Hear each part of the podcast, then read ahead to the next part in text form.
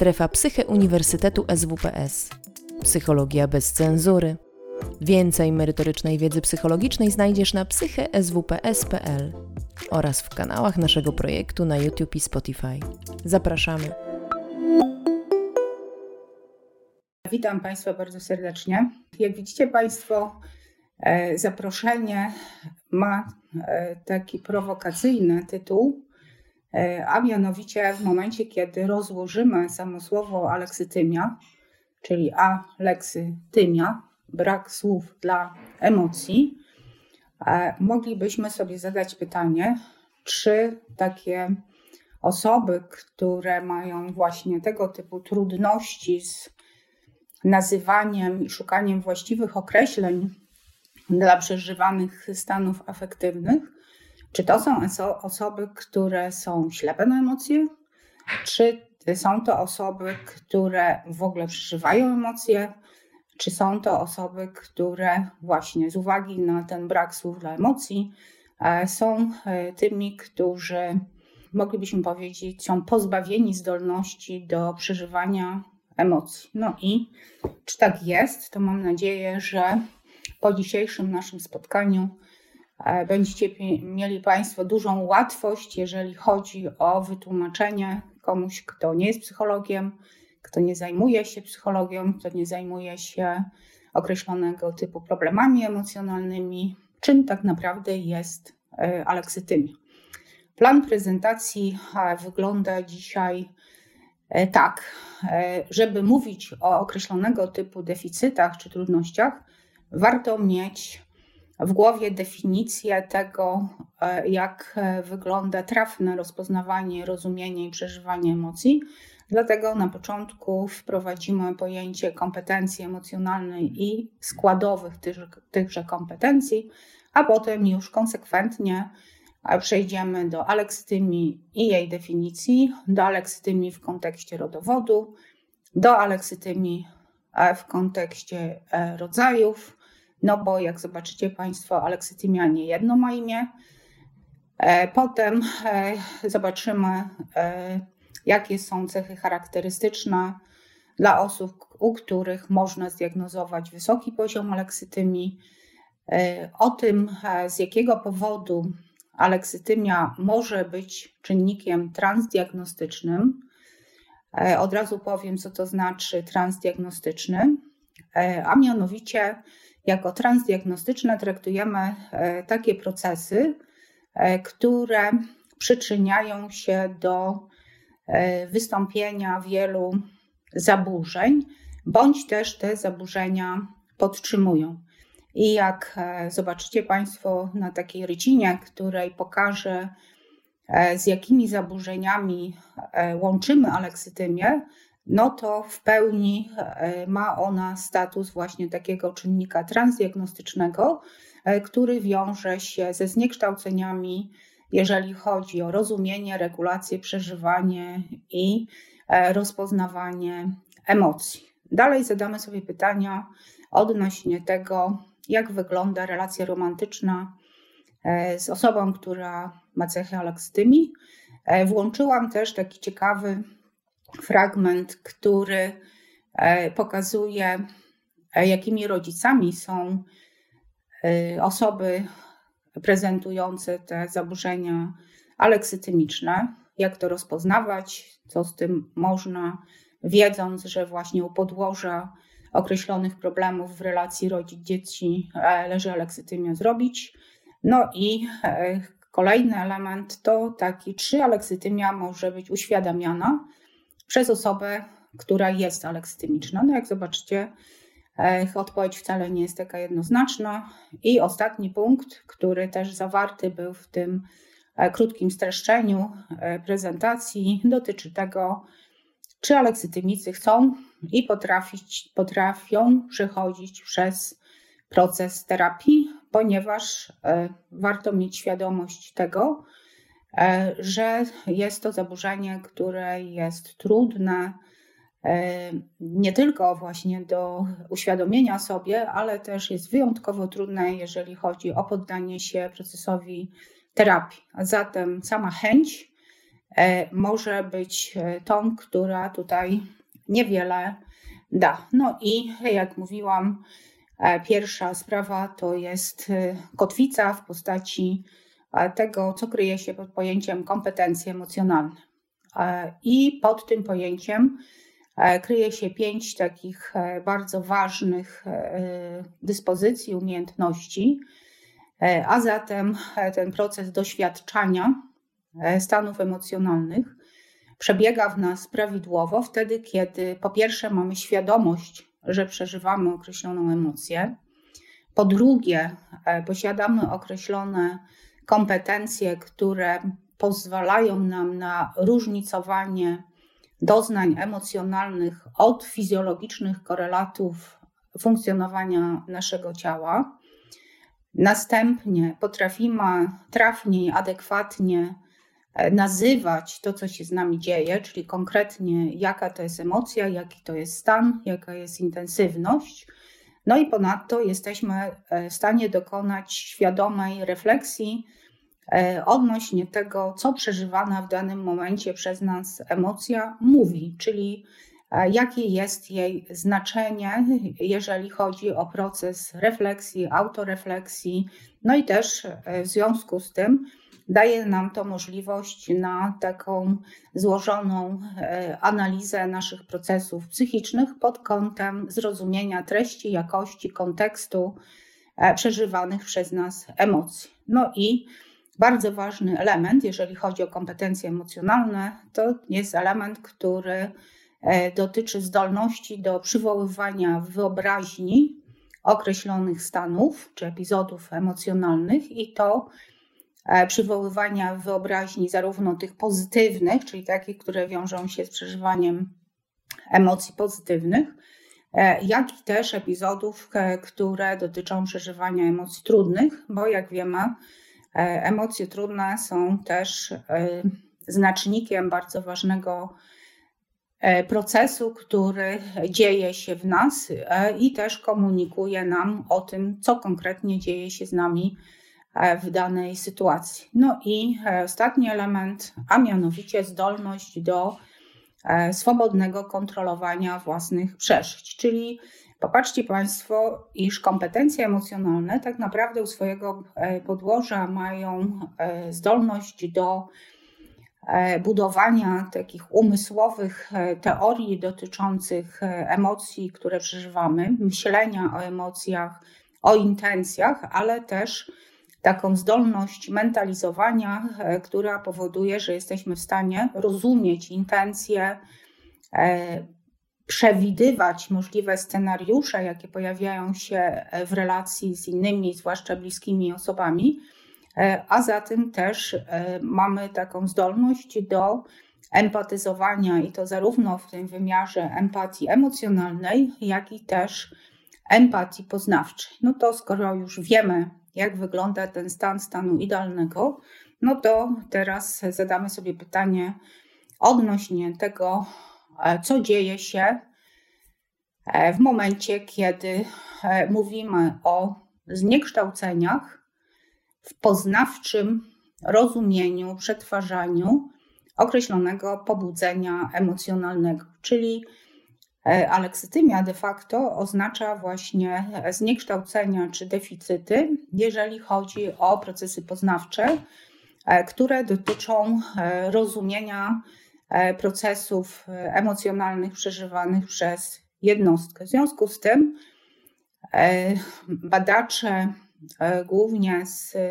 Kanady, profesor Taylor, wyodrębnili najpierw cztery, potem trzy takie źródłowe cechy, po których możemy poznać, że mamy do czynienia z kimś, u kogo zdiagnozować możemy aleksytymię. Czyli pierwszy to są właśnie problemy czy trudności w identyfikacji uczuć oraz odróżnianiu ich od cielesnych wskaźników pobudzenia emocjonalnego. A zatem e, ktoś taki ma problem, e, żeby zrozumieć, że to, co się z nim dzieje i to, co dzieje się, jeżeli chodzi o pewne e, sygnały z ciała płynące, czyli te, które dotyczą interocepcji, to jest właśnie korelat przeżywanej emocji, a nie korelat zwykłego e, fizjologicznego pobudzenia. Czyli e, podając przykład, e, osoba, która cierpi na leksytymię, ma problem z tym,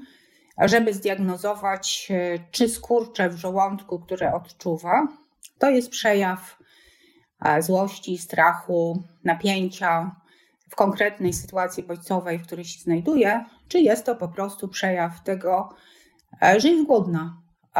I zobaczcie Państwo, że mówimy tutaj o dosyć takich podstawowych wskaźnikach interoceptywnych i te podstawowe wskaźniki interoceptywne u osoby, która cierpi na leksytymię, E, są rozchwiane, między innymi z tego względu, że występuje nadmierna e, wrażliwość interoceptywna, co znaczy, że takie osoby dosyć błędnie e, różnicują właśnie wskaźniki funkcjonowania ciała od korelatów i wskaźników, które mówią o przeżywanych emocjach. W związku z tym ten proces takiego nierozumienia i rozłączenia między czuję i fizjologiczne korelaty czuję, a fizjologia mojego organizmu e, coraz bardziej się zapętlają, powodując, że jest to bardzo duży e, chaos e, w świecie właśnie osoby cierpiącej na lekstymię. Drugi czynnik dotyczy właśnie tego klasycznego, czyli braku słów dla emocji, a zatem są to problemy, jeżeli chodzi o trafne nazywanie poszczególnych stanów emocjonalnych. No i do tego w związku z tym dochodzi też e, problem, jeżeli chodzi o komunikowanie tego, co przeżywam, jak przeżywam i to, co się ze mną dzieje, osobom, e, z którymi jestem w relacji. Czyli e, ktoś taki jest, zobaczcie Państwo, trudny dla siebie, ale też jest trudny dla innych, ponieważ bardzo trudno jest mu przekazać w sposób trafny E, to, e, co się z nim i w nim dzieje, i też trudno e, z uwagi na problemy związane z nietrafnym sczytywaniem ekspresji mimicznych emocji, a zatem tu też mamy jakby kolejny problem werbalizacyjny dotyczący tego, że aleksytymik nie jest w stanie trafnie rozpoznać, jaka emocja kryje się w wymiarze e, komunikacji niewerbalnej na twarzy. E, I e, tu już nie będę wchodziła głęboko w naturę badań, które dotyczyły właśnie deficytów w rozpoznawaniu ekspresji mimicznych emocji, ale dotyczyło to zarówno emocji pozytywnych, jak i emocji negatywnych. Zwłaszcza wtedy, kiedy komunikacja była taka niejednoznaczna i w momencie, kiedy E, wymagane było podjęcie decyzji w krótkim e, czasie. E, kolejny czynnik to jest właśnie ubóstwo wyobraźni, czyli brak takiej zdolności do fantazjowania, jeżeli chodzi o takie skrypty czy schematy związane z emocjami. Jak mówiłam, dotyczy to zarówno emocji pozytywnych, jak i negatywnych.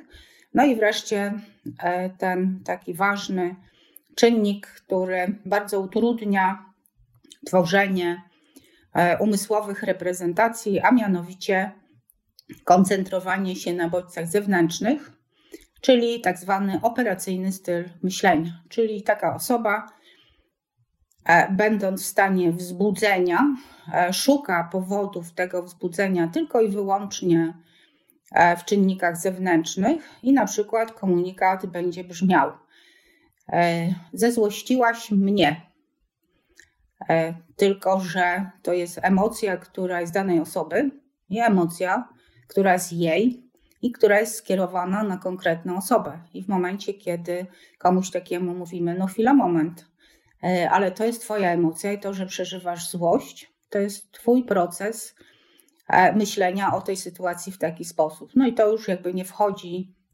w grę, jeżeli chodzi o wyjaśnienie, z jakiego powodu przeżywamy złość, Powód jest jednoznaczny. Ty mnie zezłościłaś swoim zachowaniem, a zatem zmień swoje zachowanie, to wtedy nie będę przeżywał, przeżywała e, takiej emocji. Co jest ważne, to to, że także za stany pozytywnych emocji odpowiadają inni.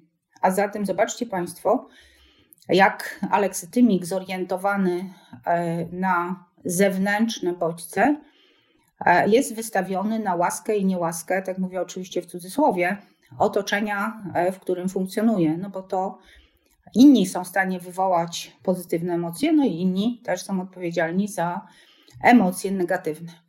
E, tak boldem podkreśliłam e, wyniki badań, które mają status transkontynentalny, co oznacza, że były robione w wielu państwach na świecie, niezależnie od tego, czy prezentujemy kulturę indywidualistyczną czy kolektywistyczną. Co dziesiąta kobieta i co piąty mężczyzna to osoby, które cierpią na aleksytymię. A zatem skala zjawiska, jak zobaczycie Państwo, jest e, duża, zwłaszcza, że e, fakt, że ktoś nie potrafi identyfikować i werbalizować emocji, wcale nie oznacza, że tych emocji nie przeżywa, wręcz przeciwnie.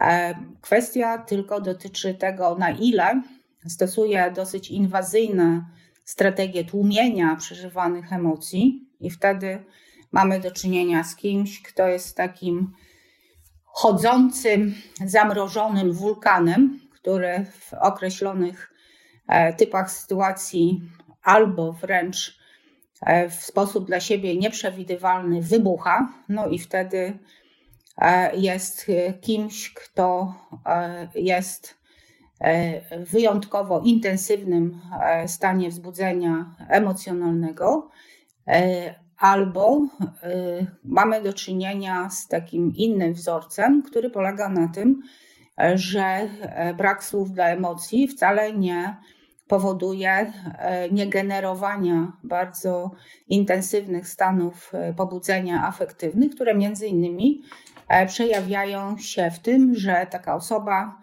cudzysłów zalewa siebie różnoimiennymi stanami, ale też y, generuje y, w otoczeniu y, bardzo silne pobudzenie, bardzo silny afekt, generuje też bardzo silne stany emocjonalne, którymi zaraża innych i właściwie moglibyśmy powiedzieć, że niezależnie od tego, czy to są takie tłumione i potem e, wybuchające jak wulkany emocje, czy też jest to stan takiego chronicznego pobudzenia i zalewania innych i siebie emocjami, to właśnie tak wygląda charakterystyka funkcjonowania e, aleksytymika. A zatem jest to ktoś, kto generuje bardzo silne stany afektywne, bardzo silne konflikty wewnętrzne, no i też widać to, słychać i czuć. Jeżeli chodzi o rodowód, to aleksytymię dzielimy na takie dwie podkategorie. E, pierwotną, czyli taką, która ma bardzo e, konkretny rodowód, e, a mianowicie traktowana jest jako względnie stała cecha osobowości, która związana jest właśnie z rozregulowaniem emocjonalnym i e, powstaje w wyniku e, wczesnodziecięcych traum oraz z tak zwanej traumy relacyjnej, która dotyczy pierwszoplanowych opiekunów, czyli konkretnie rodziców. Mówimy tutaj o tak zwanych lękowych stylach więzi i jak zobaczycie, e, lękowość więzi decyduje o tym, jak głębokie to jest zaburzenie. Najlżejsze będzie wtedy, kiedy mamy do czynienia z więzią lękową ambiwalentną, czyli taką, gdzie rodzic jest nieprzewidywalny, ale jest, i taki, który e, przelewa właśnie swoje stany e, pobudzeń afektywnych, swoje lęki na dzieci. W związku z tym jego ambiwalencja między innymi polega na tym, że nie jest w stanie sprawować takiej responsywnej, e, wrażliwej e, opieki, jeżeli chodzi o własne dzieci, co między innymi powoduje, że zalewa e, dzieci swoimi trudnymi emocjami, no i jeszcze potęguje właśnie takie stany nierozumienia tego, co się dzieje z rodzicem, tego, co się dzieje ze mną, a zatem łatwiej jest przetrwać w momencie, kiedy nie nazywamy tego, co się dzieje. No poza tym też kompetencje językowe dzieci się rozwijają, więc trudno być ekspertem od nazywania emocji w momencie, kiedy figury przywiązania nie dostarczają takich eksperckich przykładów, wiedzy i kontaktów.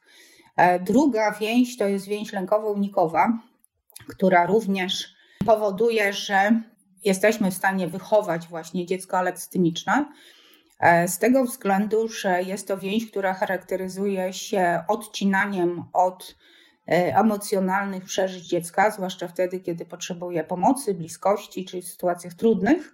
Taki rodzic, sam będąc e, kimś, kto nie, nie potrafi nazwać, poczuć, przeżyć własnych emocji, wybiera taką strategię pod tytułem Mnie to nie dotyczy, w związku z tym stawia dzieciom, dzieciom wysokie wymagania, nie ma tego elementu dotyczącego troski i na dodatek jeszcze oczekuje e, pozytywnych e, komunikatów emocjonalnych, niezależnie od tego, co z takim dzieckiem się wewnętrznie dzieje. W związku z tym odcięcie od przeżyć jest naturalnym procesem związanym z przetrwaniem, no ale Skutkiem ubocznym są właśnie e, takie deficyty, jeżeli chodzi o e, rozumienie przeżywanych emocji. Najtrudniejsza, i to jest teraz już mówimy o takiej traumatycznej więzi, to jest więź zdezorganizowana, czyli taka, gdzie możemy powiedzieć, że rodzice e, abdykowali spełnienia podstawowych funkcji opiekuńczo-wychowawczych, czyli tak naprawdę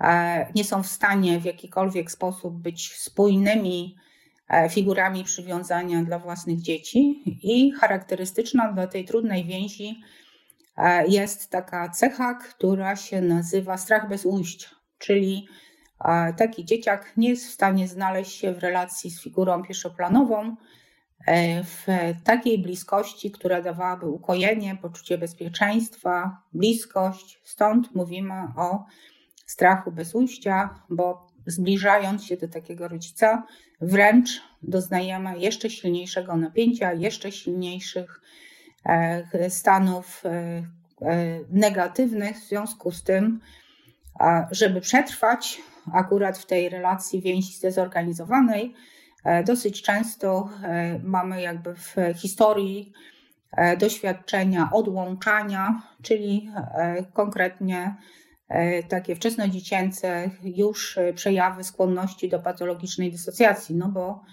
inaczej raczej w takiej emotogennej e, atmosferze przetrwać nie można, no a dodatek jeszcze nie ma jakby szansy na to, aby ktoś poprowadził, jeżeli chodzi o trafne nazywanie, rozumienie i przeżywanie. I z uwagi na to, że to są takie głębokie wzorce, które dzieją się prawie od urodzenia, i z uwagi na to, że w dużej mierze jest to zakres niedostępnej świadomości pamięci emocjonalnej, no to e, natura e, rozwojowa również wiąże się z tym, e, że aleksytymia jest predyktorem, jak zobaczycie, wielu chorób psychosomatycznych i też może pełnić rolę właśnie takiego czynnika podatności na e, określonego typu problemy czy choroby psychiczne. O tym, że jest związana bardzo silnie z depresją, no to nikogo nie trzeba przekonywać, nie? O tym, że jak zobaczymy, jest bardzo mocno związana z różnego typu e, uzależnieniami od substancji psychoaktywnych i uzależnieniami behawioralnymi, no to moglibyśmy powiedzieć, że jest to naturalna kolej rzeczy,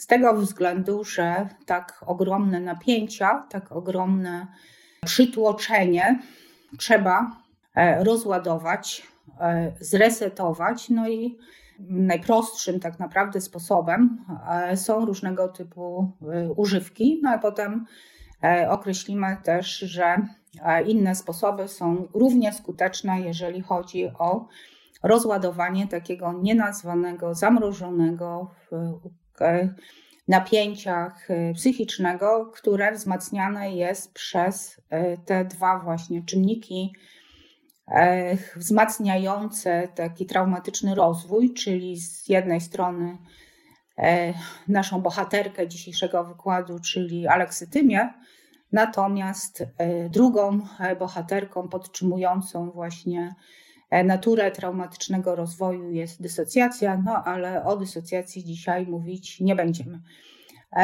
I też mamy do czynienia z aleksytymią wtórną, która po pierwsze jest prostsza, jeżeli chodzi o przywrócenie zdolności do przeżywania i rozumienia emocji, z tego względu, że ona powstaje e, zdecydowanie e, później, jeżeli chodzi o nasze życie.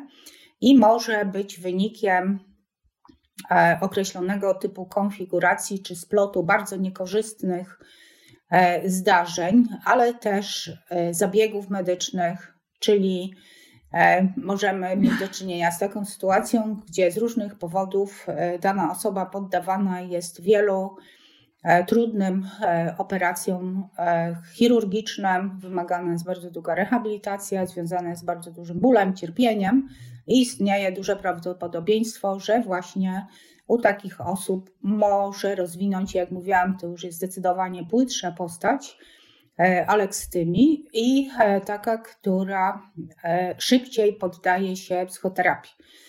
Również aleksytymia wtórna może być związana z określonego typu urazami mózgu, na przykład w wyniku wypadków komunikacyjnych czy wypadków takie, które są związane na przykład z uprawianiem sportów ekstremalnych. Tu również możemy zaobserwować e, objawy charakterystyczne dla aleksytymii. No i zależnie od tego, na ile mamy do czynienia, na ile to uszkodzenie mózgu ma charakter taki funkcjonalny, a na ile już anatomiczny, to e, możemy powiedzieć, że e, jest to właśnie proces częściowo bądź odwracalny, bądź nieodwracalny. Jeżeli mówimy o aleksytymii wtórnej, Chciałabym też powiedzieć o takim mechanizmie, który e, sprzyja wytworzeniu e, aleksytymii wtórnej, a mianowicie taki, który e, związany jest z przemęczeniem współczuciem, czyli procesem, który dotykać może personel medyczny, osoby pracujące w hospicjach, psychologów, interwentów kryzysowych, osoby, które E, funkcjonują jako wolontariusze w tej chwili, na przykład e, pomagając bardzo intensywnie e, uchodźcom z Ukrainy, a mianowicie kluczowy jest ten element, o którym powiedziałam, czyli przemęczenie współczuciem i też takie przemęczenie fizyczne i psychiczne wynikające z konfrontowania z cierpieniem. I to w wymiarze takim długofalowym. E, nasza psychika jest mądra e, i radzi sobie, jeżeli chodzi właśnie o przetrwanie, e, poprzez danie nam takiego zasobu, jakim jest właśnie aleksytymia. Pewnie zdziwieni jesteście Państwo, że mówię Wam o aleksytymii jako zasobie i że traktuję to jako fenomen E, naszej psychiki. E, I mówię to świadomie, intencjonalnie, z tego względu, że e, w przypadku aleksytymii pierwotnej dziecko, które nie ma szans na to, żeby wyrażać to, co czuje, werbalizować to, co czuje, no bo właśnie wyrasta w dysfunkcjonalnym systemie, radzi sobie z przetrwaniem w tym systemie poprzez E, wyzbycie się e, kompetencji dotyczącej identyfikowania i nazywania. A zatem przetrwanie jest ważniejsze niż nazywanie wprost, co nas dotyka, z tego względu, że przecież e, nie zamkniemy drzwi jako dzieci z drugiej strony i nie powiemy dziękuję Państwu, ale ja w takim domu mieszkać nie będę, ponieważ tutaj się dzieje tak, tak i tak. To jest po prostu niemożliwe. A zatem brak słów dla emocji e, w tych sytuacjach jest po prostu e, mniejszym złem e, niż trafne nazywanie tego, co się dzieje. No bo jak powiedzieć, moja mama patrzy na mnie tak, że w jej oczach i w jej twarzy widzę, że mnie nienawidzi, że chciałaby, żebym zniknął, zniknęła. No to jest po prostu okrutne. A zatem mądrość naszej psychiki to jest właśnie mądrość, która powoduje, że odłączamy się albo od werbalizowania, identyfikowania, ale coś, co pomogło nam przetrwać właśnie w tym okresie e, wczesno i późno dziecięcym, niestety potem e, może działać przeciwko nam, no bo e, nieponazywane i nieprzetworzone emocje, no niestety zalegają w naszej psychice i dają o sobie znać w najmniej oczekiwanych sytuacjach. No i też, jak mówię, są predyktorem do tego, że radzimy sobie w sposób taki nieadaptacyjny. I dokładnie to samo w przypadku osób wykonujących takie zawody wysokiego ryzyka. Pielęgniarki, lekarze, czy też ten personel e, covidowy, e, przytłoczony ilością e, zdarzeń, które kończyły się śmiercią pacjentów, gdyby nie odłączył właśnie swojej zdolności do trafnego nazywania tego, co się dzieje z nimi w trakcie wykonywania pracy, no to z punktu widzenia skuteczności wykonywania zawodu byłoby to kiepskie. A zatem coś, co jest e, w perspektywie długofalowej takim czynnikiem, który utrudnia nam e, trafne funkcjonowanie i też bycie osobami zdrowymi psychiczne, w perspektywie dysfunkcjonalności, tak naprawdę pozwala nam e, przetrwać.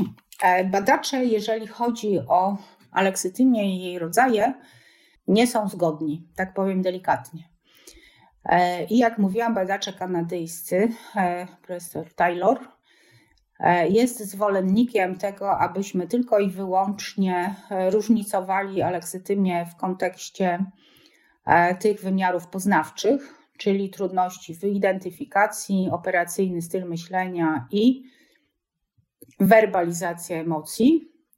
Natomiast badacze holenderscy, głównie Bob Bermond, e, uważa, że aleksytymia również ma te wymiary afektywne i do wymiarów afektywnych e, zaliczył Bermond emocjonalność oraz zdolność do wykorzystywania e, wyobraźni. Efekt tego złożenia jest taki, że klasyczna aleksytymia to jest właśnie aleksytymia typu pierwszego, nie? czyli wysokie deficyty, jeżeli chodzi o ten wymiar poznawczy. No i do tego, jako wtórny, moglibyśmy dołączyć, który z punktu widzenia Taylora jest logiczny, ten e, niedobór, jeżeli chodzi o te podwymiary afektywne.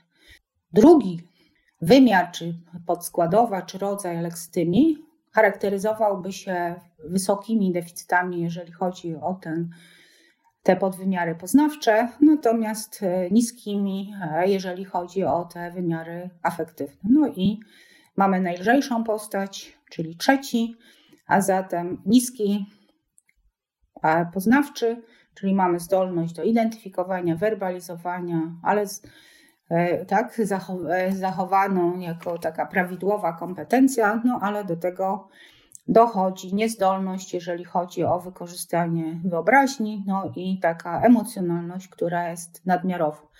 No i dla porządku mamy leksytymię, czyli osobę, która jest w pełni kompetentna emocjonalnie, czyli nie możemy u niej zdiagnozować w jakiejkolwiek postaci e, aleksytymii. E, krótko powiem, co leży u podstaw e, tej aleksytymii pierwszego, drugiego i trzeciego typu, bo jak mówiłam, aleksytymia niejedno ma imię e, i ta, która jest klasyczna, czyli to jest właśnie ta, gdzie mamy niezdolność do uświadamiania sobie emocji, brak zdolności do nazywania, no i nieumiejętność, jeżeli chodzi o różnicowanie fizjologicznych e, korelatów emocji od fizjologicznych korelatów funkcjonowania naszego ciała. Warto mieć świadomość tego, E, że e, aleksytymia nie dotyczy tylko i wyłącznie zniekształceń, jeżeli chodzi o ten wymiar poznawczego rozumienia i regulacji emocji, ale też aleksytymii to jest bardzo dobrze zbadany kawałek dotyczący rodowodu aleksytymii, towarzyszą zaburzenia, jeżeli chodzi o funkcjonowanie naszego mózgu. To, co jest kluczowe, to to, że mamy zaburzenia, które dotyczą kory oczodołowo-przedczołowej, czyli to jest bardzo ważny obszar, e, który e, czasami jest traktowany jako menedżer emocji, ponieważ tu właśnie Możliwe jest integrowanie tych komunikatów, które dotyczą wymiaru przeżyć i tych komunikatów, które dotyczą obróbki poznawczej pobudzenia, które przeżywamy. Dalej, mamy też redukcję dopaminy właśnie w tym obszarze, no i E, to, na co dawno już e, zwracaliśmy uwagę, a mianowicie e, kiepska komunikacja między prawą a lewą półkulą, czyli w tym momencie mamy spadek funkcji spoidła przedniego. Czyli to jest tak, jakby nasza prawa półkula przeżywała emocje, natomiast brak wystarczająco szybkiego transferu do lewej półkuli powoduje, że nasza lewa półkula nie jest w stanie przetworzyć tego pobudzenia, no i też nie jest w stanie e, nadać e, właściwych e, etykietek, zwerbalizować, czy stworzyć też taką funkcję znaczeniową, symboliczną. A zatem moglibyśmy powiedzieć, że nasza czująca prawa półkula i nasza analityczna, werbalna lewa półkula u aleksytymika chodzą sobie częściowo niezależnymi ścieżkami i spotkać im się jest trudno. E, w przypadku e, aleksytymii typu drugiego, popatrzcie Państwo, że mamy już zdolność do uświadamiania sobie, mamy też zdolność do różnicowania, no ale tutaj kłopoty e, dotyczą adekwatnego nazywania emocji oraz trudności, jeżeli chodzi o analizę i refleksję na temat emocji. E, jak e, studentom na psychotraumatologii e, daję test, żeby zweryfikowali, na ile to jest problem, który ich dotyka, a na ile są wolni od właśnie tego typu problemów. I daję im ten klasyczny kwestionariusz TAS-20, czyli Toronto Alexithymia Scale, i tak jak mówiłam, jest kwestionariusz, który dotyczy e, diagnostyki tej aleksytymii typu pierwszego. W związku z tym prawie wszyscy wychodzą zwycięsko i mówią: Nie, no my to w ogóle z aleksytymią mamy niewiele wspólnego. Ale na następne spotkanie przynoszę im e, kwestionariusz e, Bermonda Worsta. To jest kwestionariusz, który właśnie bada te dwa podwymiary, poznawczy i afektywny, no i wtedy okazuje się, że już tak wesoło nie jest, nie? Bo e, tu zobaczcie Państwo, nie chodzi tylko i wyłącznie nie, o to, że ja mam świadomość tego i przypisuję określonego typu etykietki i różnicuję, ale też chodzi o to, żeby trafnie rozumieć e, znaczenia i trafnie też komunikować sobie i innym to, co się z nami dzieje. Tu z punktu widzenia mózgu mamy tylko, cudzysłów, upośledzenie funkcji spoidła wielkiego, a zatem dalej e, są to zaburzenia komunikacji prawa-lewa półkula, no i takie, które oczywiście muszą jakby skutkować e, tymi problemami e, związanymi ze złożonym rozumieniem procesów emocjonalnych. Typ trzeci, tak zwana pseudoalekstymia, daje jeden element, który ulega zaburzeniu, a mianowicie zaburzony jest proces analizy emocji, no i są to deficyty też umiejętności, jeżeli chodzi o wyciąganie wniosków e, z tego, co jest na poziomie myślenia abstrakcyjnego, symbolicznego. Czyli tu mamy problemy, jeżeli chodzi o takie potoczne teorie emocji, które dana osoba ma.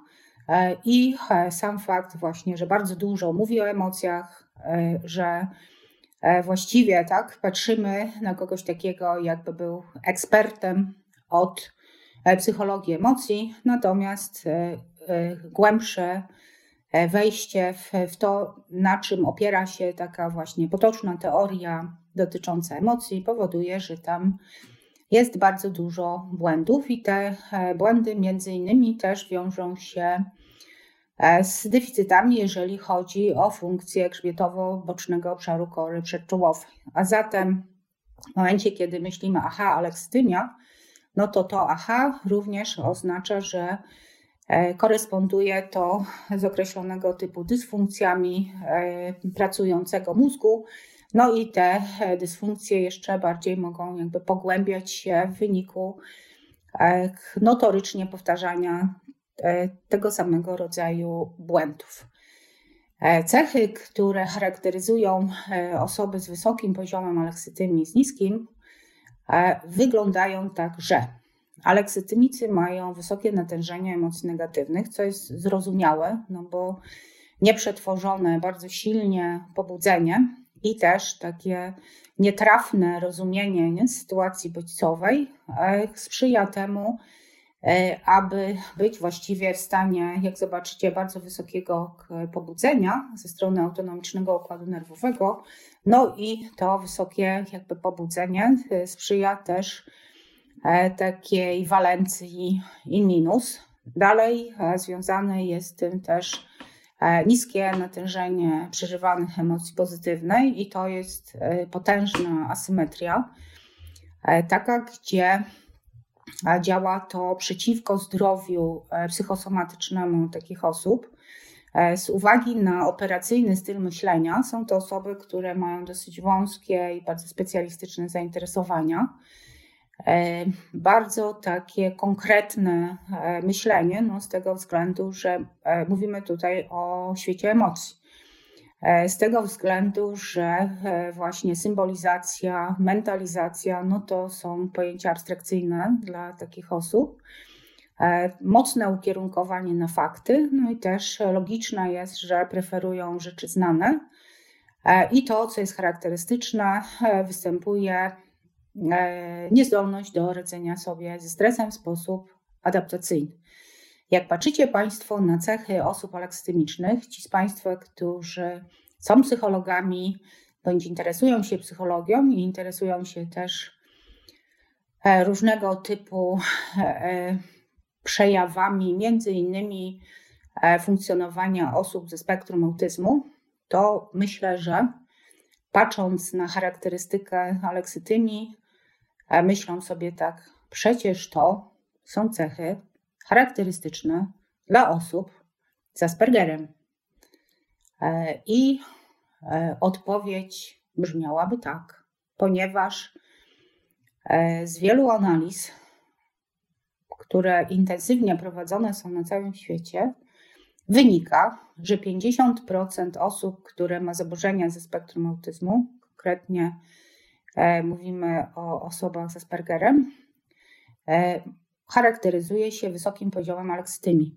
To tak na marginesie mówię, z tego względu, że pochylenie się nad e, osobami z zaburzeniami ze spektrum autyzmu jest ważne, ponieważ diagnostyka pod kątem aleksytymii tych osób pozwoliła na to, żeby właśnie problemy z rozumieniem, przeżywaniem, nazywaniem emocji przełożyć na stronę czynników środowiskowych i odciągnąć uwagę e, od tylko i wyłącznie definiowania e, problemów, które mają te osoby w kategoriach uwarunkowań genetycznych. Muszę powiedzieć, że e, z punktu widzenia psychotraumatologii jest to kierunek bardzo interesujący, ponieważ tam, gdzie mamy czynniki środowiskowe, no tam możliwa jest zmiana a jeżeli możliwa jest zmiana, to znaczy, że możliwy jest proces, dzięki któremu jesteśmy w stanie w znacznym stopniu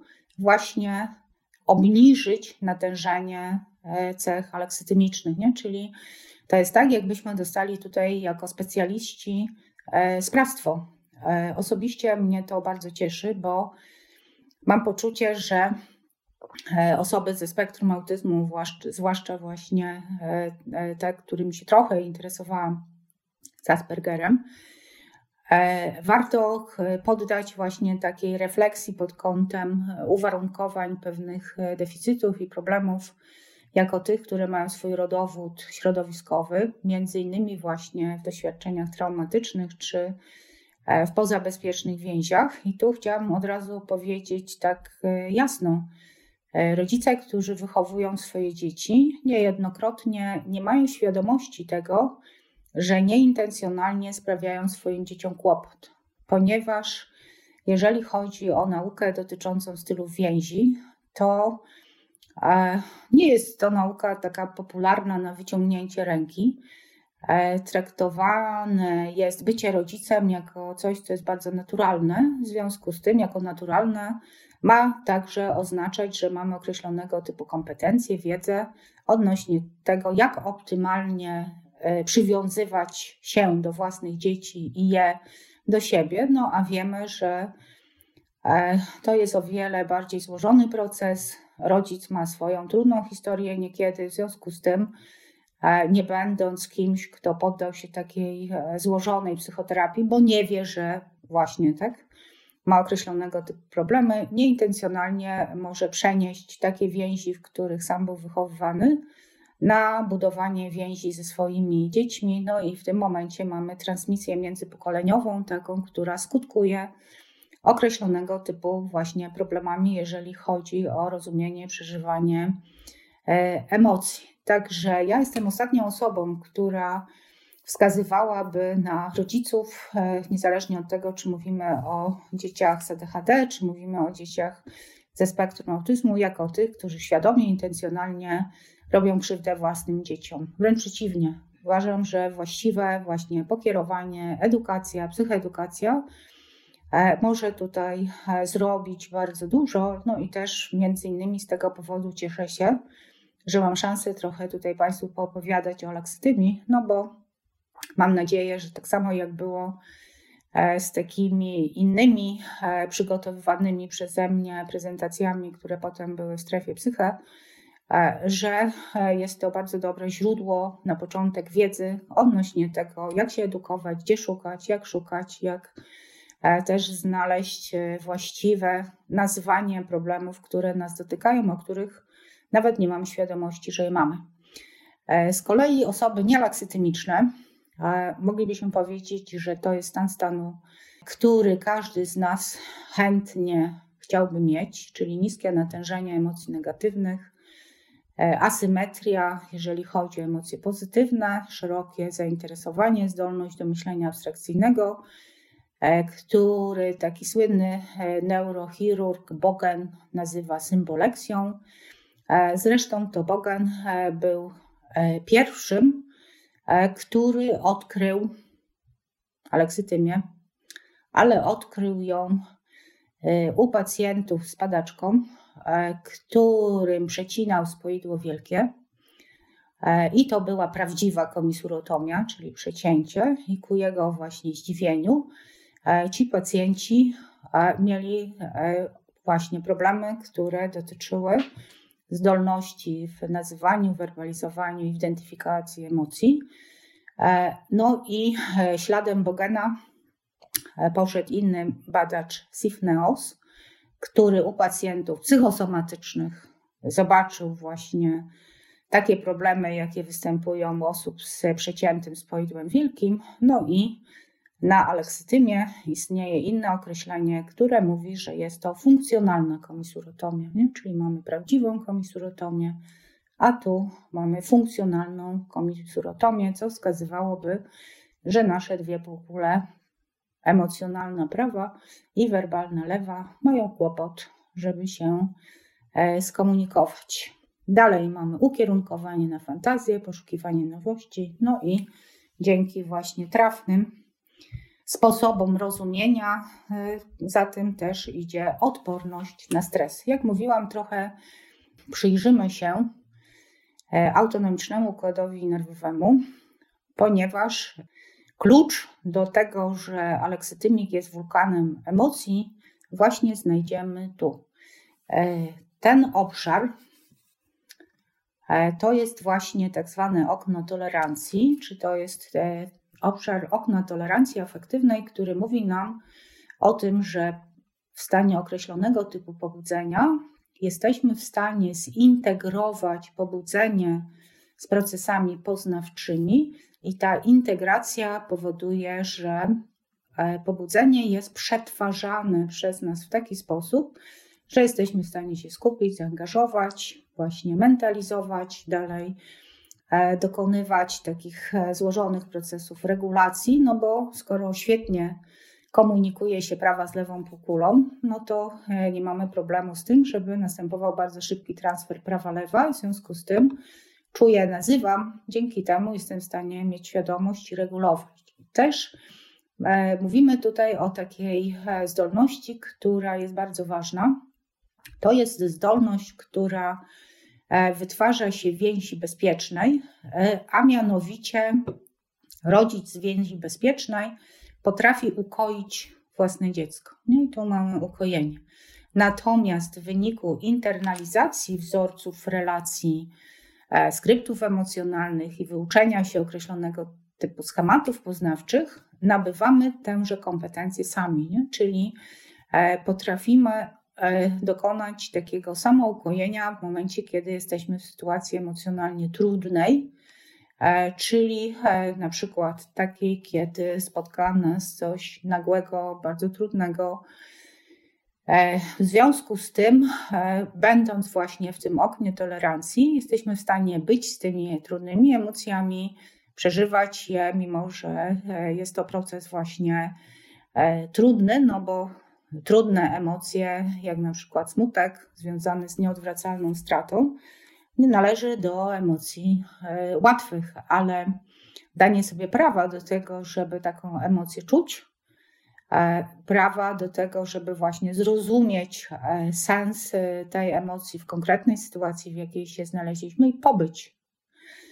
ze sobą, sprawia, że właśnie przez takie trudne doświadczenie stajemy się bogatsi emocjonalnie, jesteśmy w stanie zmentalizować to, co się z nami dzieje, to, co się dzieje z osobami bliskimi, które są z nami w relacji, no i też E, ważny jest ten element, który dotyczy tej zdolności do samoukojenia, czyli regulujemy stan emocjonalny bez zastępowania go, wygłuszania, e, udawania, że go nie ma, nie? czyli stosujemy bardzo takie e, trafne, adekwatne i właśnie takie wysokorefleksyjne sposoby do tego, aby poradzić sobie z trudnymi stanami.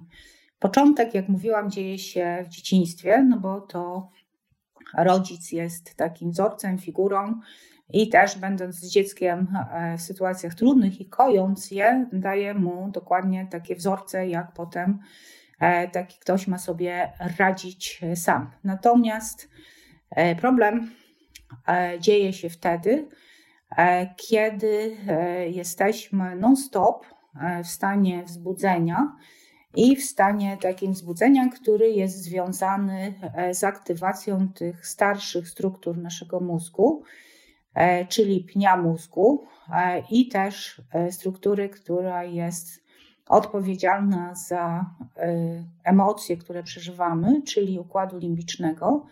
I w momencie, kiedy non-stop jesteśmy w stanie wzbudzenia, który pokazuje permanentny stan zagrożenia, e, no to cały czas aktywuje się w nas gotowość do tego, żeby walczyć, czyli mamy właśnie hiperaktywację, gotowość do tego, żeby uciekać z danej sytuacji.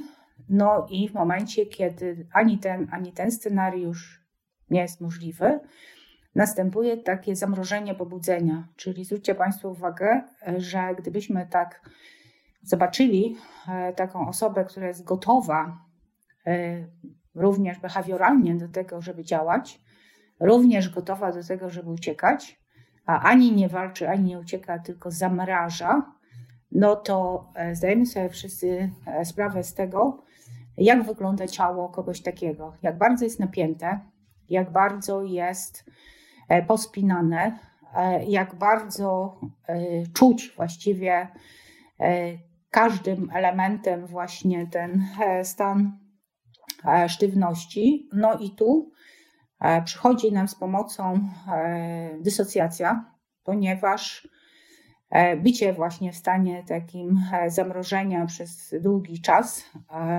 daje określonego typu konsekwencje, ale jak mówiłam, nie jesteśmy w stanie wytrzymać w takim stanie. W związku z tym przechodzimy pod, czyli w stan hipoaktywacji, czyli takiej, w której te stany właśnie nie, zamrożonego w biegu tak naprawdę ciała i psychiki wchodzi e, w stan hipoaktywacji. To jest tak, jakbyśmy właśnie nie przeszli stany odrętwienia, odłączenia się, towarzyszy temu depresja, może towarzyszyć również wstyd, utrata energii, e, też takie spłaszczenie i spłycenie, e, problemy, jeżeli chodzi o sprawne funkcjonowanie procesów myślowych, dalej nie? trudności w obronie siebie, izolacja, wycofanie, czyli mamy tutaj takie inwazyjne właściwie E, sposoby na zniknięcie, no i temu może również towarzyszyć e,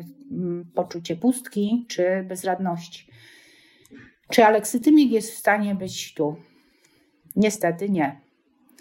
E, co oznacza, że kolokwialnie mówiąc, skacze po hiperpobudzeniu i hipopobudzeniu, nie? czyli nie ma go tu. W związku z tym, jak nie ma tu, to raczej E, nie ma szans na to, aby doznał właśnie ukojenia, spokoju i takiego wyciszenia. E, jeżeli już, to przez e, chemiczną dysocjację, tak się ładnie nazywa upojenie alkoholowe, ponieważ właśnie wyjście z tego błędnego koła hiperaktywacja, hipoaktywacja poprzez E, chemiczną dysocjację powoduje, że te stany upojenia alkoholowego e, na krótki okres powodują reset tych ważnych struktur w układzie limbicznym, a mianowicie ciał migdałowatych. E, co oznacza, że używka daje ukojenie, jakkolwiek to brzmi, ale tak jest.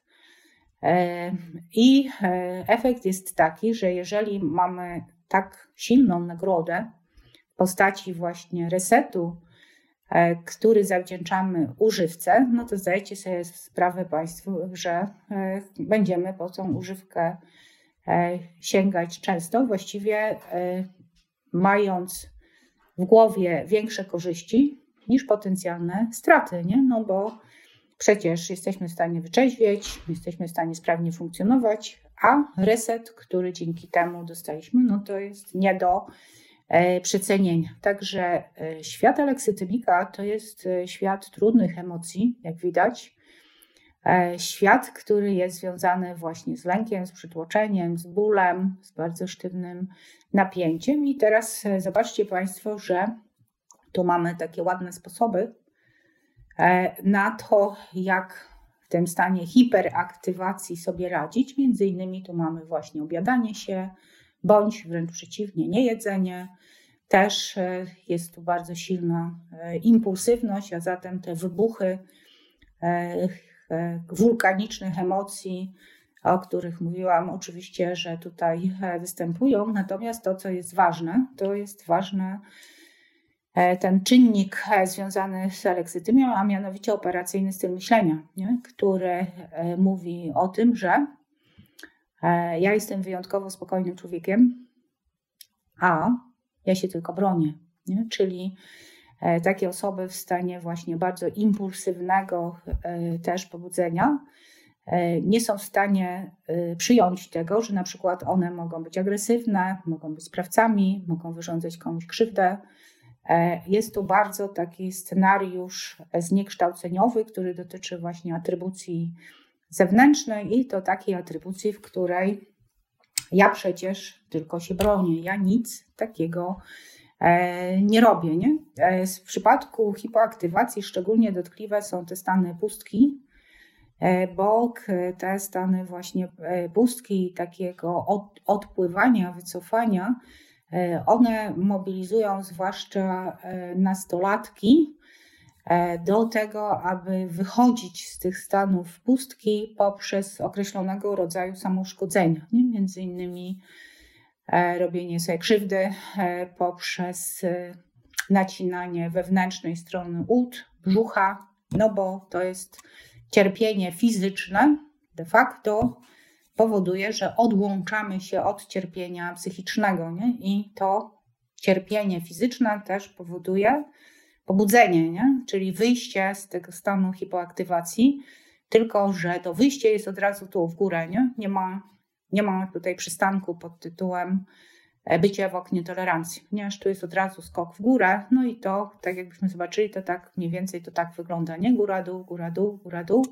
No jest to proces dosyć niebezpieczny. Jak mówiłam, e, aleksytymia jest takim transdiagnostycznym czynnikiem, co oznacza, że obecna jest w całym spektrum e, zaburzeń jako, mogłabym powiedzieć, główny winowajca, czyli jako właśnie czynnik e, źródłowy, który przyczynia się do wystąpienia określonych objawów, bądź też jako taki czynnik towarzyszący, który podtrzymuje objaw. Zobaczcie Państwo, że zwykła pokrzywka ma w swoim portfolio aleksytymię.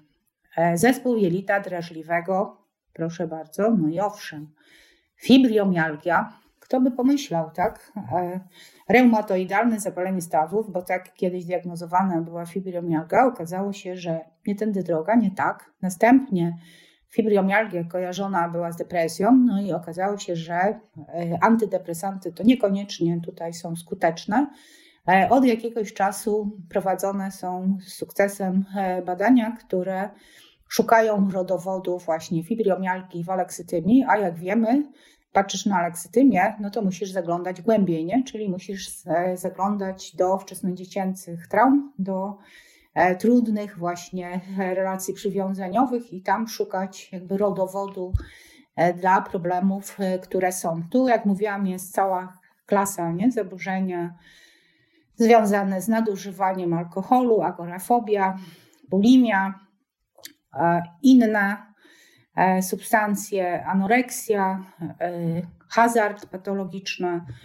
E, powiem tak z perspektywy badań, które robimy, również u nas w Polsce, i to są też dane takie ogólno powiedzieć światowe, 68 około procent osób uzależnionych od alkoholu ma wysoki poziom aleksytymii. Przyznajecie Państwo, że to jest mocny wynik, nie? czyli prawie 70% e, tych, którzy radzą sobie przez używki, konkretnie alkohol, jest zdiagnozowanych jako osoby e, aleksytymiczne. Więc to coś jakby mówi albo bardzo mówi. Nie, tutaj z drugiej strony mamy migranę bez aury i tak zaburzenia e, somatoformiczne i też te, które e, dotyczą somatoformicznej dysocjacji. Tutaj też jakby u podłoża należy szukać lekstymii, zaburzenia borderline, no to powiedziała klasyka, zaburzenia lęku panicznego, czyli właściwie tak, gdzie nie spojrzysz, tam jest aleksytymia. Mój doktorant, w tej chwili już doktor, napisał pracę doktorską, e, która dotyczyła osób chorych na schizofrenię e, i konkretnie też sprawdzał, na ile jest tak, e, że osoby chorujące na schizofrenię, a jak wiemy, najpierw jesteś aleksytymikiem, a dopiero potem rozwija się u ciebie choroba, na ile te osoby mają problemy, jeżeli chodzi o trafne rozpoznawanie podstawowych emocji, no i też e, u nich e, zaobserwowano bardzo wysoki poziom, jeżeli chodzi o deficyt empatii. Takie deficyty też widoczne są u innych osób, które cierpią na lekstymię, między innymi te uzależnione od substancji psychoaktywnych z uzależnieniami behawioralnymi. W tej chwili się zastanawiamy, mówię zastanawiamy, bo to E, moi magistranci realizują badania, na ile jest tak, że aleksytymia razem z dysocjacją e, i deficytami empatii e, może być czynnikiem, który sprzyja uzależnieniu od internetu i od określonego typu gier. To jest trop, który jest trafny, bo kilkanaście, bym powiedziała, badań na świecie już na ten temat się ukazało, co oznacza, że tutaj im szybciej e, zdiagnozujemy młode osoby, bo to głównie dotyczy e, nastolatków i w, takich osób po 20 roku życia, e, tym szybciej będzie można zaproponować tym osobom skuteczny proces poradzenia sobie z tego typu uzależnienie. No i zdajcie sobie sprawę Państwo po tym, co powiedziałam, że związek z osobą, która cierpi na leksytymię U, to jest związek wysokiego ryzyka. E, z tego względu, że mamy tutaj właśnie nie, problemy, jeżeli chodzi o e, rozumienie przekazów niewerbalnych. E, dalej, brak takiej umiejętności, jeżeli chodzi o przyjmowanie perspektywy drugiej osoby. No i jeżeli do tego dołączymy to, że osoby cierpiące na leksytymię regulują napięcie poprzez alkohol, uzależnienia behawioralne, e, mają niekontrolowane wybuchy emocji, e, dalej szukają powodów e, w otoczeniu i w obwinianiu innych. Dalej, w momencie, kiedy się obrażą, no to właśnie zapadają się w sobie, znikają, nie ma z nimi kontaktu. Dalej, E, przekłada się to też na różnego typu formy manipulacji partnerką, partnerem, dziećmi, nie? czyli jest obrażanie się, e, e, wychodzenie, nieodzywanie, stosowanie różnych sposobów szantażu, również szantażowanie tym, że sobie coś zrobię, zrobimy. No, nieprzewidywalność, jeżeli chodzi o funkcjonowanie z taką osobą, jest bardzo duża. E, i nieprzewidywalność, która powoduje, że ktoś, kto nie ma leksytymii i jest w takim związku, to czuje się tak, jakby został e, wsadzony na karuzelę e, i nie wiadomo, kiedy ta karuzela się zatrzyma i czy w ogóle ona ma jakąś logikę. Problem polega na tym, że tej logiki nie ma, bo jest to proces, który się coraz bardziej rozkręca, a jeżeli jeszcze do tego E, dołożymy właśnie e, ten operacyjny styl myślenia, który jest e, szukaniem w czynnikach zewnętrznych powodów, dla których jest tak, a nie inaczej, i odłączaniem się od własnego sprawstwa, no to trzeba przyznać, że jest to związek wyjątkowo trudny, taki, który ma w sobie e, stany takiego falowania i spadania, i nie wiadomo, kiedy będzie falowanie, a kiedy będzie e, spadanie. I te stany e, bardzo silnego napięcia również mogą być regulowane przez osoby aleksytymiczne poprzez uprawianie takiej wyczerpującej aktywności fizycznej.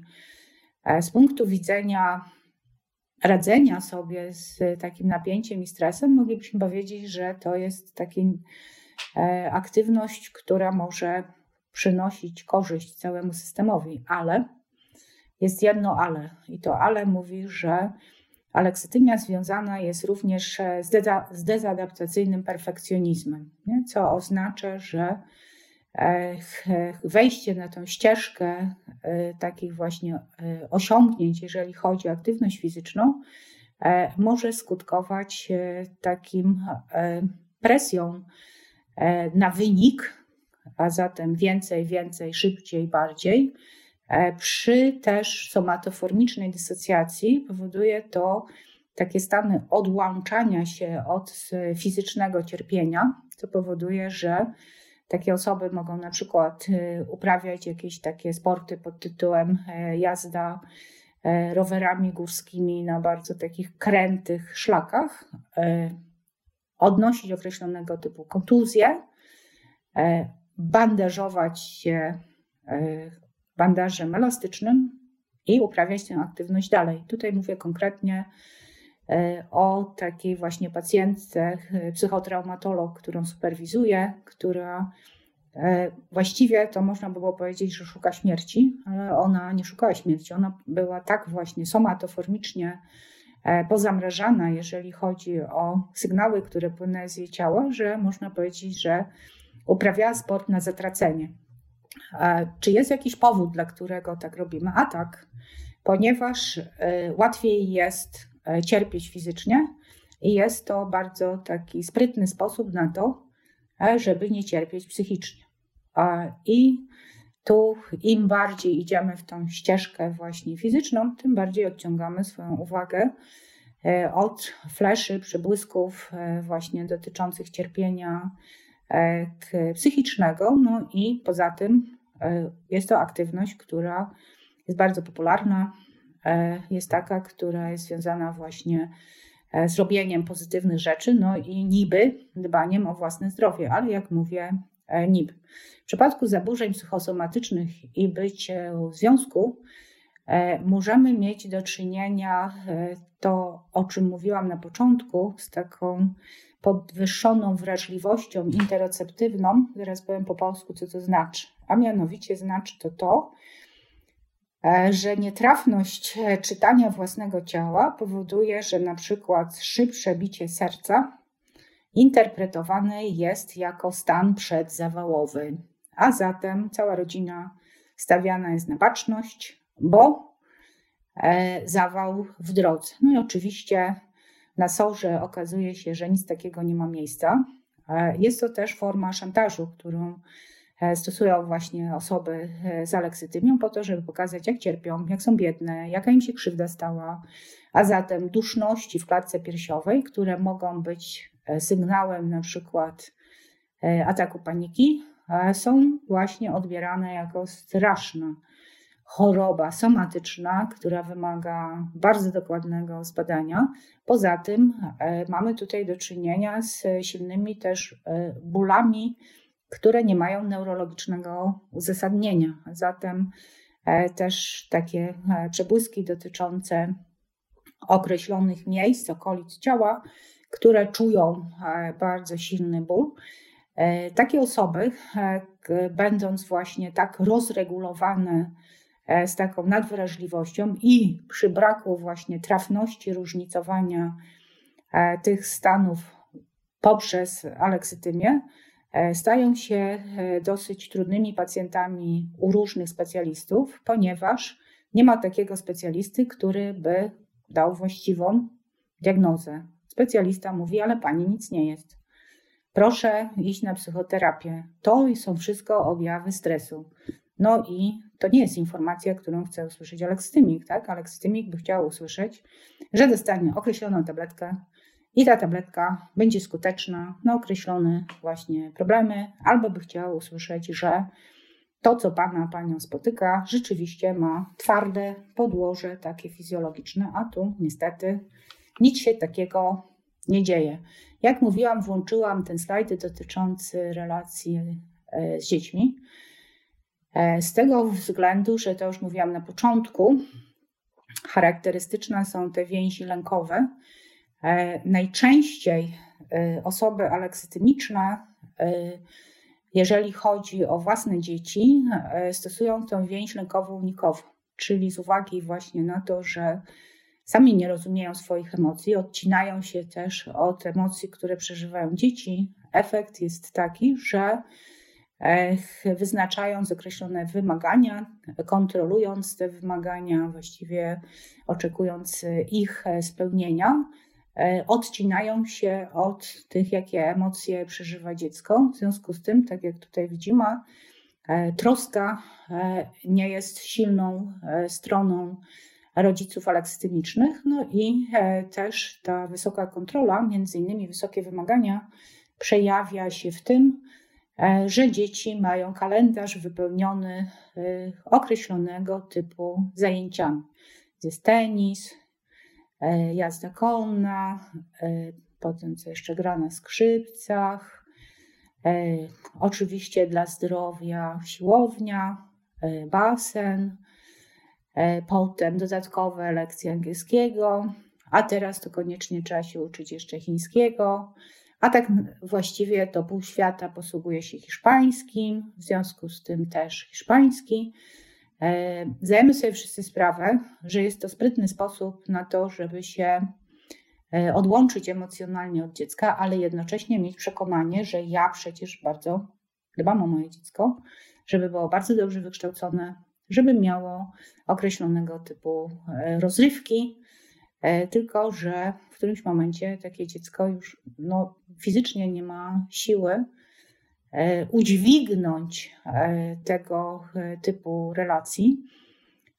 Taki młody człowiek, z którym z przerwami spotykam się od kilku lat i właśnie który ma takiego lękowo-unikowego tatę,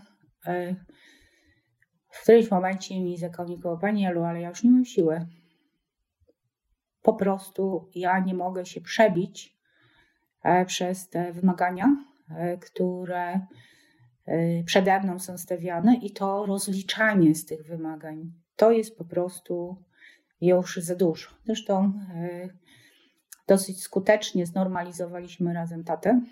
Na tyle był słyszący i słuchający, E, że ten proces się toczy. Oczywiście e, ja bym mogła powiedzieć, że kontroluję e, proces relacji taty z synem, bo bardziej tutaj tatę trzeba kontrolować niż syna, ale na tyle jest to właśnie nie tak jakby głęboko zakorzeniona, lękowo-unikowa relacja, że w jakimś zakresie mogę powiedzieć, że mamy w tej materii sukces.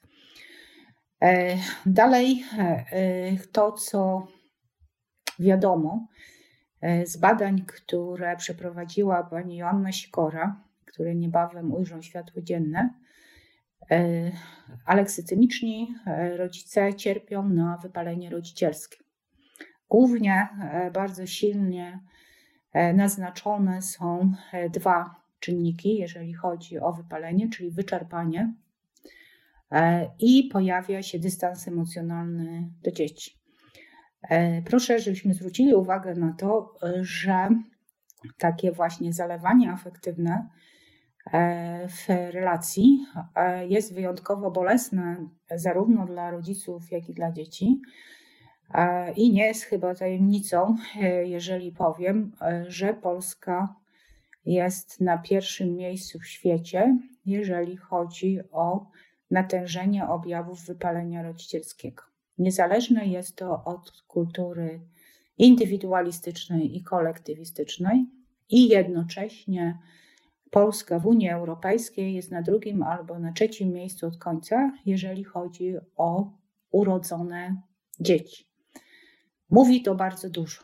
Po pierwsze, mówi to, że e, kobiety e, właśnie mają określonego typu powody, e, żeby nie zachodzić w ciąży i nie rodzić dzieci. I mówi nam również to, to, że prawdopodobnie młode pokolenie zaczyna coraz głębiej rozumieć psychologię i też rozumieć to, co się z nimi dzieje. I muszę powiedzieć, że jestem bardzo zadowolona z pracy ze spotkań e, ze studentami pierwszego roku, w tej chwili to jest psychologia i informatyka, e, ponieważ widzę, jak chłoną wiedzę psychologiczną. To jest moja nadzieja, ponieważ im wyższy poziom wiedzy, tym też większa refleksja i też nazywanie rzeczy po imieniu. Nie? Jeżeli e, widzimy, że mamy problem, to są to osoby stosunkowo młode, a zatem dosyć szybko E, są w stanie uporać się w terapii e, z problemami, które ich dotykają.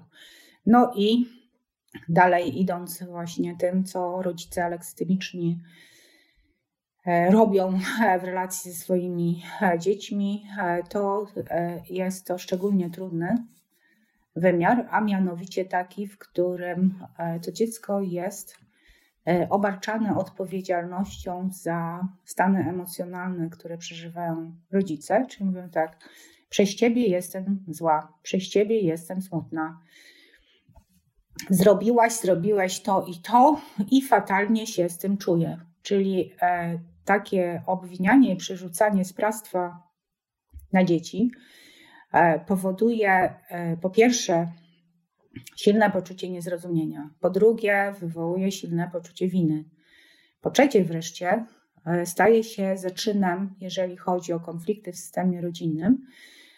I takie badanie, które zrobiliśmy, właśnie jeżeli chodzi o młodych ludzi, a takie, które dotyczyło związku aleksytymii ze skłonnością do agresji, właśnie z uwagi na aleksytymicznych rodziców, pokazuje, że taka wysoka kontrola ze strony rodziców i niska troska ze strony matki, wysoka kontrola ze strony ojca staje się predyktorem do tego, że dzieci mają tendencję do różnych form instrumentalnej agresji, czyli nie radzą sobie właśnie z takim przypisywaniem odpowiedzialności, sprawstwa i to właśnie w taki zniekształcający sposób, co niestety daje konkretne konsekwencje czyli m.in. zaburzenia odżywiania, samouszkodzenia, używki czy wręcz kryzysy presuicydalne. I tu, jako Polacy, znów jesteśmy na niechlubnym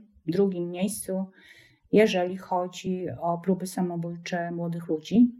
Chyba warto e, zastanowić się nad taką e, profilaktyką i wyposażeniem w trafną wiedzę psychologiczną rodziców, no bo to są ich dzieci, które w ten sposób e, krzyczą i wołają o pomoc. I z tych badań, które robiono, między innymi jednym z motywów, dla których młodzi rzucali się na swoje własne życie, było to, że w sytuacji trudnej czuli się zostawieni sami sobie, samotni i właściwie niewidzialni. A zatem znów wracamy do systemów. No i zostały nam jeszcze trzy slajdy.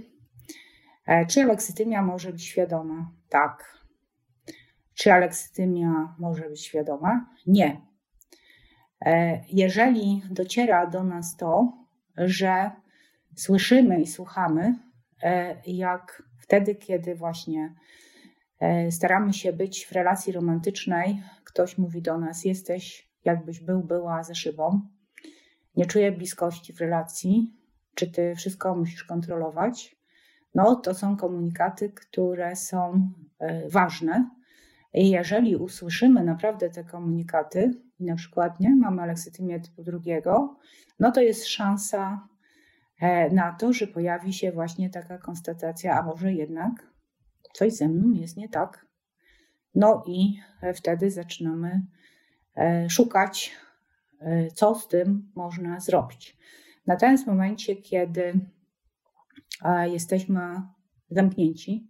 Jak mówiłam, e, operacyjny styl myślenia jest tutaj największym e, cudzysłów zniekształcaczem rzeczywistości, to e, w tym momencie przekonania, które nam towarzyszą, są takie: inni są niegodni naszego zaufania, na bliskość trzeba sobie zasłużyć, Przecież wiadomo, że Ciebie kocham. To jakieś wymysły psychologów, takie nie? oczekiwanie intymności, bliskości. I takie osoby e, nie są skłonne do tego, po pierwsze, żeby uświadomić sobie, że mają problem, no i jak zobaczycie, też e, nie są skłonne do tego, aby zgłosić się i przejść własną terapię. E, z tego względu, e, że i tu wracamy do ochronnej funkcji E, aleksytymii, e, dzięki e, braku skłonności do nazywania i przeżywania przetrwały. A zatem coś, co było ważną tarczą i ważnym zasobem i mnie chroniło, dalej traktujemy jako coś ochronnego i ważnego. W związku z tym raczej nie będziemy skłonni, żeby się tego pozbyć.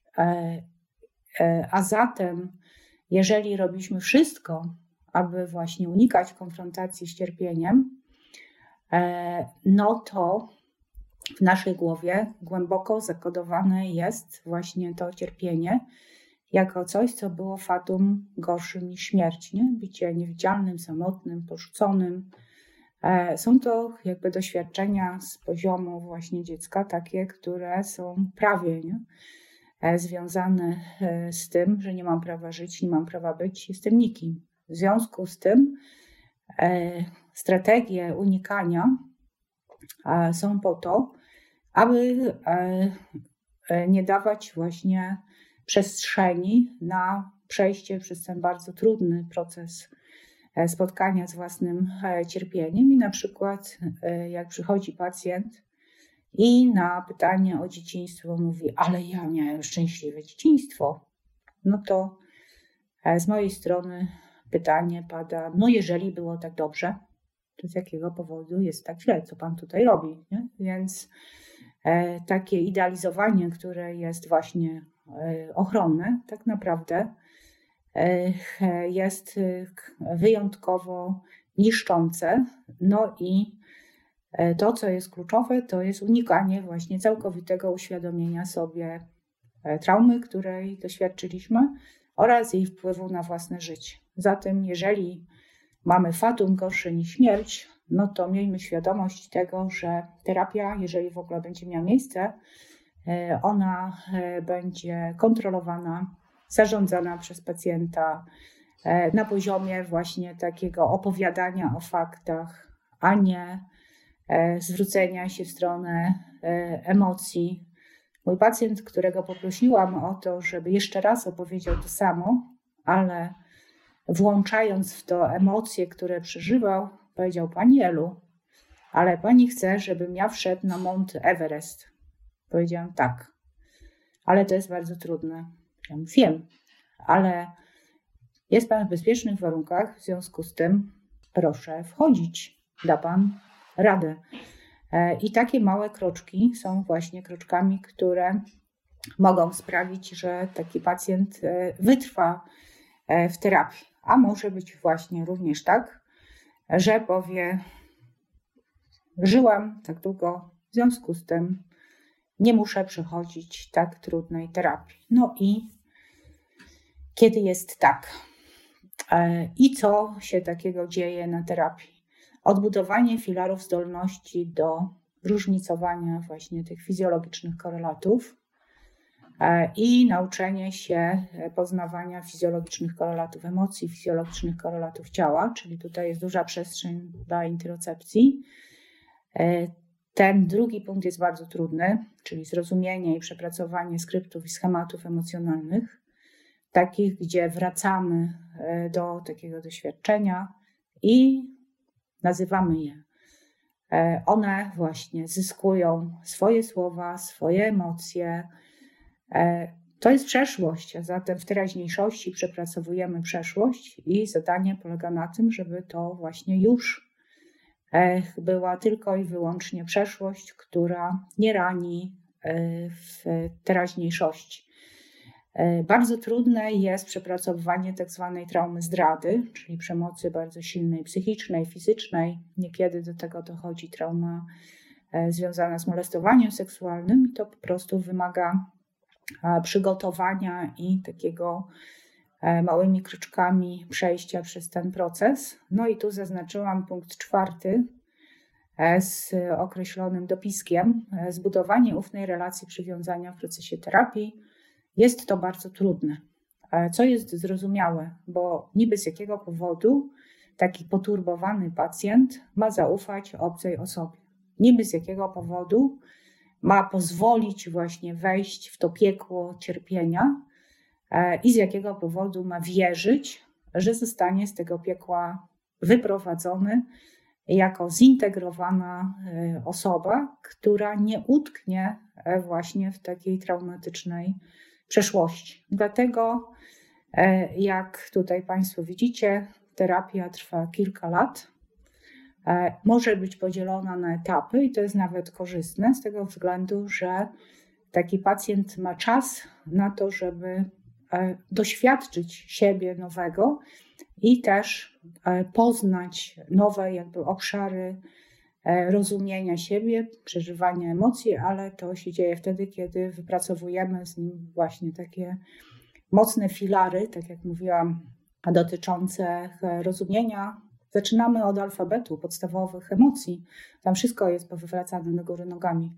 No i małymi kroczkami e, jesteśmy w stanie przywrócić e, zdrowie psychiczne e, komuś takiemu. Przyjemność jest z tego bardzo duża, bo jest to bardzo trudna praca też dla psychotraumatologa, ale taka, która daje też ogromną satysfakcję. Jak widzicie Państwo, nadejszła ta wielkopomna chwila, że tak powiem, że tym razem kończymy.